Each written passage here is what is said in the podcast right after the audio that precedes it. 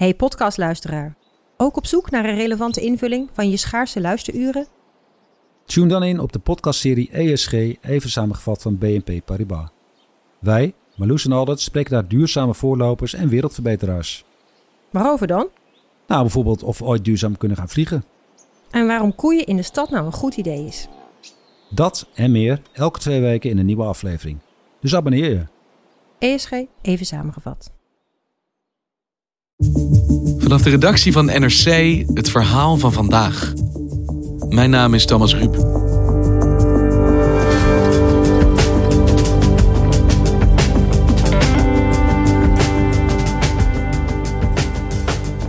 Nederland heeft een groot onzichtbaar probleem: stikstof.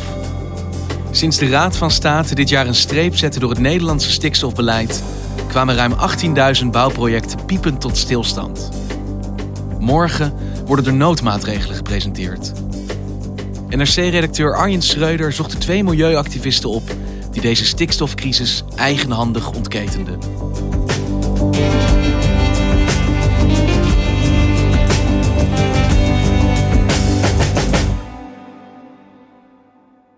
Hey Arjen, ik zie de hele zomer dat woord in de krant staan. Stikstof, stikstof, stikstof, Stikstof, stikstof. En daar komt door de stikstof.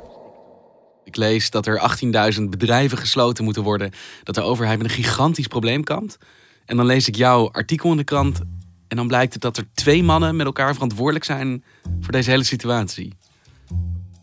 Ja, die twee mannen, eh, dat zijn twee eh, mannen die eh, milieuclubs vertegenwoordigen. En die hebben gestreden tegen het uitstoten van vuile lucht en eh, willen daar een halt aan toe, toeroepen. Ik zei al, ik, ik, ik ben gewoon een natuurliefhebber, waarom weet ik Ja, ook niet. ja, ja. En natuurlijk zijn ook andere dingen in, in het leven zeker zo belangrijk. Zij hebben een enorme triomf eh, geboekt in Europa. En wie zijn zij? Dat zijn eh, Wim van Opbergen. Eh, dat is eh, voorzitter van een werkgroep Behoud de Peel. Die bestaat al 40 jaar. En die, eh, die, strijdt tegen het, eh, ja, voor het behoud van, van het natuurgebied, de Peel, een hoogveengebied. En de andere is eh, Johan Vollenbroek. Hij is van de club Mobilization for the Environment. Dat is een, eigenlijk een adviesbureau ad- wat hij al jaren heeft. En ja, zij zijn ten strijde getrokken tegen de vervuiling van Nederland. Ik dacht, wie zijn die mannen eigenlijk? Wie zijn die clubs? Dus ik heb eh, hen eh, gebeld en gevraagd of ik eens langs kon komen. En eh, ben bij de, bij de een in zijn achtertuin gaan zitten. En heb een lang gesprek met hem gevoerd. En met de ander, Wim van Opbergen, ben ik de peel opge, opgegaan. En heb gekeken wat daar nou eigenlijk... ja, wat daar, hoe, hoe de situatie nu is. Ja, als je daar dan komt, dan denk je... Goh, ik durfde het bijna niet te zeggen tegen hem. Maar ik, ik dacht, ja, het is eigenlijk best een mooi gebied, hè? Het is toch wel eh, prettig eh, vertoeven hier. Hè? Dat is een mooie eh, groene oase bijna. Maar nee. Nou, hier hoort het hartstikke nat te zijn, wat je daar ziet. Ja, En Het is echt verschrikkelijk. dat, dat de grond wordt uitgeput. Ja, de grond wordt uitgeput, de, de diversiteit neemt zielerogen af, Ja, het aantal insecten ja. verdwijnt, noem maar op. Hè. Ja. Mensen kan niet zonder eh, natuur, zonder, zonder diversiteit. Dus je zag wel natuur, maar het was niet de juiste natuur. Niet de natuur die daar hoort te groeien. Nee. Stikstof is op zichzelf goed voor eh, planten en bomen. Alleen te veel is slecht. En wat je dan krijgt is dat eh, sterke soorten, de, de kwetsbare soorten, wegdrukken. Dat zie je in je eigen tuin, eh, maar dat zie je dus ook in zo'n natuurgebied. Heel veel stikstof leidt ertoe dat je allerlei soorten krijgt. Brandnetels, varens, berken, andere boomsoorten. Die eh, het prachtig doen, die, die enorm groeien, maar die je eigenlijk in zo'n gebied juist niet wil hebben. Je wil juist zeldzame plantjes, veenmos, een zonnedauw, dat is een plantje, wat, eh, wat een vleesetend plantje. Ja, die, die, die krijgen geen kans meer, doordat ze worden weggedrukt door, door die, die, die, die soorten die wat minder kieskeurig zijn. En waar komt die stikstof vandaan? Die stikstof die komt uit heel veel verschillende bronnen. Al is het maar de auto, het, het verkeer. Maar het komt in bepaalde natuurgebieden en zeker in de Peel komt dat vooral van de omliggende veehouderijen. Waar, waar enorme aantallen dieren worden gehouden. Eh, en ja, die dieren die, eh, die produceren mest. En eh, die mest die, komt die toch in de lucht terecht, die stoffen. ammoniak vooral. En die slaat neer in dat soort natuurgebieden. Maar hij is dus ook iemand die zich verzet tegen die stikstofuitstoot. Die daar iets aan probeert te doen. Mhm. En op welke manier doet hij dat dan? Ja, de naam zegt het al, werkgroep Behoud de Peel. Dus eh, wat zij doen is eh, zelf met vrijwilligers het, eh, het veld in, de natuur in. En slootjes graven, dammen bouwen om het water vast te houden. Bomen te snoeien, de struiken weg te halen. Zodat dat hoogveengebied zoveel mogelijk intact blijft. Een andere tactiek is, is, is de wet. Procederen. Ja. Dus overal waar zij zien dit gaat tot meer stikstof leiden, begint hij met een rechtszaak eigenlijk. ja, inderdaad. Er zijn nergens zoveel natuurbeschermingswetvergunningen verleend aan veehouderijen als in de Peelregio. Omdat wij daar altijd op letten. Ja, Alleen- ja dat eh, doen ze al. eh, dat doet die werkgroep Behoud Peel al heel lang, al decennia. Ehm, en, en hij is zeker niet de enige. Er hoeft maar iets te gebeuren ergens in Nederland. Een weg te worden verbreed of een eh, bos te worden gekapt. Of er is wel een milieuclub die daar tegen in bezwaar komt. En eh, ja, eh, een van de andere milieugroepen is eh, Mobilization for the Environment. En dat is de club van Johan Vollenbroek. Die, die, die heb ik ook opgezocht en, ge- en, en gevraagd van... ja, jullie, hebben, jullie, procederen heel veel. Waarom doen jullie dat? Dus ja, maar die, goed, die stikstofemissie die, die, die race dus helemaal de pan Dus hij zegt, ja, dit kan niet doorgaan. Dus ja, wij procederen. Wij procederen ons helemaal kwijt. Dus de reden dat stikstof nu een landelijk thema is geworden, is omdat mensen zoals hij dus processen aanspannen. Eh, ja, In inderdaad. Nederland, die hebben heel veel procedures ons aangespannen. Hadden er toen honderden tegelijk lopen, soms wel 300 of 400. Er zijn tientallen, honderden milieuverenigingen die dat doen. En we ons bijna allemaal. Of, eh, en vaak winnen die milieuclubs ook die vergunningen. Omdat ze eh, bepaalde normen zijn, worden overschreden. Eh, ja, omdat er natuurgebieden worden bedreigd. eh, nou, noem maar op.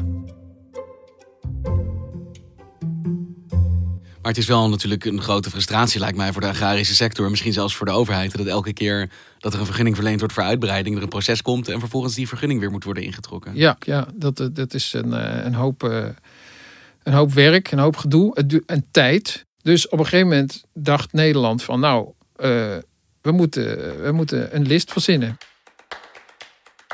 Een programma wat, wat het allemaal wat makkelijker zou maken om die vergunningen te verlenen. En dat is het programma Aanpak Stikstof geworden. Het pas, waar we nu zoveel over horen. Ja, De Raad van State maakte eind mei korte metten met het programma Aanpak Stikstof. Programma aanpak stikstof. Pas. Stikstof, de zogenoemde pas. Pasregeling is ook bijvoorbeeld gebruikt. Dat is kritisch boekhouden met desastreuze gevolgen. Doel de stikstofuitstoot in en bij natuurgebieden met 10 miljoen kilo te verminderen. ja, verzonnen in een tijd ja, waarin het nog eh, crisis was. En eh, waarin veel bouwprojecten stil lagen. Eh, en, en ja, die moesten op, op weg geholpen worden. En vooral niet gehinderd worden door, door milieubezwaren. Dus ja, met dat pas kon je heel snel als boer een vergunning krijgen. Want hoe werkt dat dan? Het komt erop neer, heel grof gezegd, dat je de boel extra mag vervuilen. Als daar maar maatregelen tegenover staan die we als land later zullen nemen om de effecten van die vervuiling tegen te gaan. Dus ja, jij boer mag 10, 20, 100 koeien meer houden, omdat wij weten dat we over vijf jaar eh, maatregelen zullen nemen die het effect van die vervuiling teniet zullen doen. Dus een heleboel eh, werd er gelegaliseerd. Ook een heleboel uitbreidingen werden toen vergund. Dus Ja. Van, van de intensieve eh, schaalvergroting en zo. Veel grotere stallen werd bijgebouwd en zo. Dus dat pas zorgde er eigenlijk voor dat er veel gemakkelijker en vaker vergunningen konden worden verleend. En wat deden dan die milieuclubs die bezig waren met al die rechtszaken aanspannen? Ja, die, eh, die stonden daar enigszins machteloos tegenover. Die eh, Wim van Opbergen van eh, werkgroep Behoud Peel bijvoorbeeld... Die, die dacht op een gegeven moment, dat vertelde hij mij... ik ga dat programma eens goed lezen, programma Aanpak Stikstof... en kijken wat er nou eigenlijk in stond, staat. Nou, vervolgens hebben zij gekeken... kunnen we niet dat pas gaan aanvallen? Niet, niet die boerenbedrijven zelf, maar eh, dat hele programma. En dus hebben ze die rechtszaken aangespannen, die bezwaren gemaakt en gewezen op dat pas. En vervolgens zei de Raad van State, ja, inderdaad, dat pas. Wat moeten we daarmee? Zij wisten het ook niet. Zij wisten het niet. En dat was het moment waarop de Raad van State dacht, we gaan het aan Europa vragen. Eh, vorig jaar in november thuis achter mijn bureau en eh, wist dat er die dag een uitspraak zou komen van het Europese Hof van Justitie over het pas. Dat uh, was mij ingefluisterd door verschillende milieuclubs. Want ja, die zagen hun, de zon al gloren. En die hoopten op een overwinning. vervolgens ontdekte ik dat dus die uitspraak was dat het pas niet deugt. Althans, het Europees Hof van Justitie oordeelde dat dat programma niet uh, gebruikt kan worden om, om vergunningen te verlenen. En dat is uiteindelijk een dag later, op uh, 8 november, op pagina 13 uh, van de krant beland. Want dit is een uitspraak die ons de afgelopen maanden non-stop heeft beziggehouden eigenlijk. Maar op het moment dat die uitspraak bekend werd, werd niet helemaal gevoeld nog hoe groot dit zou worden, hoe invloedrijk. Dus ook in Den Haag ontstond er niet gelijk paniek van dit gaat voor ons allemaal heel ingrijpend zijn. Ja, ik kan niet uh, kijken in de, de hoofden van enkele ambtenaren die misschien wel degelijk in paniek zijn geweest. Maar uh, naar buiten toe werd er, werd er beleefd gezegd dat er nog eens op gestudeerd zou worden. En dat, het, ja, dat wij in Nederland ja, hier, hier wel uit zouden komen. Vervolgens heeft de Raad van State een half jaar de tijd genomen om te bekijken wat ze met die uitspraak van het Europese Hof moesten doen. Toen heeft de Raad van State in, uh, in een aantal zaken geoordeeld. Ja, wij kunnen eigenlijk niet anders dan, deze, uh, dan de milieuverenigingen in het gelijk stellen. Want Europa zegt dat je deze vergunningen niet mag verlenen op basis van het programma aanpak stikstof. Dus forget it. De Raad van State heeft beslist dat het programma aanpak stikstof niet de basis kan zijn voor het verlenen van toestemming voor activiteiten die extra stikstof veroorzaken. Dat was wel een dingetje.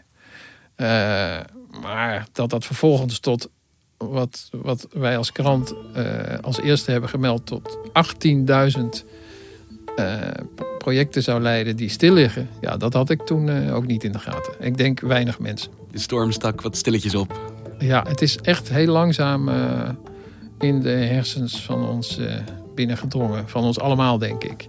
En wat betekende dat? Dat de Raad van State zei, die pas, ja, dat gaan we niet langer gebruiken. Of dat is geen goed mechanisme gebleken? Nou, het betekent heel veel. Voor heel veel verschillende projecten. En al die projecten, die hadden dus een foutief uh, verleende vergunning. En dat gaat van, van ja, de, uitbreiding van uh, Lelystad Airport tot het verbreden van de, de A27 bij Amelisweert. Uh, tot, tot aan de aanleg van, een, uh, van voetbalvelden in, ik meen, de gemeente Bergen. waar, waar vorige week nog een uitspraak over zijn, is, is geweest. Gisteren was er op de televisie minister Bruins die al zich zorgen maakte over of het, de Grand Prix van Zandvoort wel door kan gaan. Omdat daar misschien ook wel te veel stikstof wordt uitgestoten. Eh, de milieuclubs. Eh, ik, ik, ik, kreeg laatst telefoon van, eh, van Johan Vollenbroek van Mobilization for the Environment. En die zei, hebben jullie het nieuws gemist? Ik zeg, wat dan? Ja, ik heb je toch een persbericht gestuurd dat Schiphol misschien moet inkrimpen. Ik zeg, nou, Schiphol inkrimpen? Ja, want stikstof, dat, ze hebben geen natuurvergunning. En dat hadden ze wel moeten hebben. En nou, wij gaan procederen. Het klinkt bijna alsof het land een beetje piepend tot stilstand moet gaan komen. Als alle projecten die de afgelopen jaren zijn verstrekt, uh, zijn goedgekeurd op basis van een mechanisme wat. Precies, dat is wat er nu uh, speelt. En de overheid, die nu met dit gigantische probleem wordt geconfronteerd, wat onderneemt ze? Die, uh, de kabinet heeft een, een, een, commissie ingesteld, een adviescollege. Adviescollege stikstofproblematiek onder voorzitterschap van Johan Remkes, van oud-minister. Die komt morgen met een advies. En daarin staat wat Nederland moet doen om, uh, ja, om niet, zoals je zegt, tot stilstand te, te komen. Wat daarin staat, kun je een beetje uittekenen, maar het is toch niet zeker wat, waar hij mee komt. Uh, je zou kunnen denken aan, aan inkrimpen van de veestapel. je zou ook kunnen denken aan het verlagen van de maximumsnelheid. Ehm, dat zijn allemaal mogelijkheden die, uh, die zich aandienen. En uh, ja, waar, waar, waar, het kabinet vervolgens iets mee moet. Want als je al die projecten wel wil laten doorgaan, dan moet je met gigantische besparingen komen op andere plekken. Ja, die, die, stikstof uh, moet naar beneden. Hey, en die twee mannen, dus die van Opbergen en Vollebroek, die eigenlijk ja, met z'n tweeën dit hebben aangezwengeld en het land op hun knieën hebben gekregen. Kunnen die dan nu opgelucht ademhalen? Zijn zij tevreden met wat er gebeurd is? Ik was bij uh, Johan Vollebroek en die heeft op zijn eettafel een, uh, de uitspraak van de Raad van State in een uh, rood lintje op zijn eettafel gezet. Trofee. Een trofee, ja. Het is het feest, feest, bij de milieuverenigingen. Dat wil zeggen, dat pas is van tafel. Maar de vraag is natuurlijk, wat gaat het kabinet nu doen? komt, komt het kabinet met wat die milieuclubs omschrijven als opnieuw een list zoals ze het, het, pas zelf ook vinden? Uh, of, of worden er echt maatregelen genomen om Nederland eindelijk eens een keer wat schoner te krijgen? Minister van Nieuwenhuizen, Cora van Nieuwenhuizen, die, die zei al ik, ik ben er ook eh, bezorgd over, maar ik weet niet of het uh, echt met een vergunningstraject moet... of dat er toch nog een uh, list te verzinnen is. dus alle juristen ja, die er verstand van hebben, die kijken er nu ook naar. En zij vrezen een list zoals ze eigenlijk dus dat pas ook al een list vonden. Dat niet tot doel om de stikstof te verlagen... maar vooral juist eigenlijk een manier om toch vergunningen te kunnen verlenen. Ja, inderdaad. Morgen komt het advies van de commissie Remkes. En dan is het aan de politiek om daar wel of niet iets mee te doen. Ja, er zijn enorme belangen. Dus uh, in de politiek zal er uh, ongetwijfeld uh, een stuk spannender aan toe gaan dan bij de laatste algemene politieke beschouwingen, denk ik. Dankjewel, Arjen.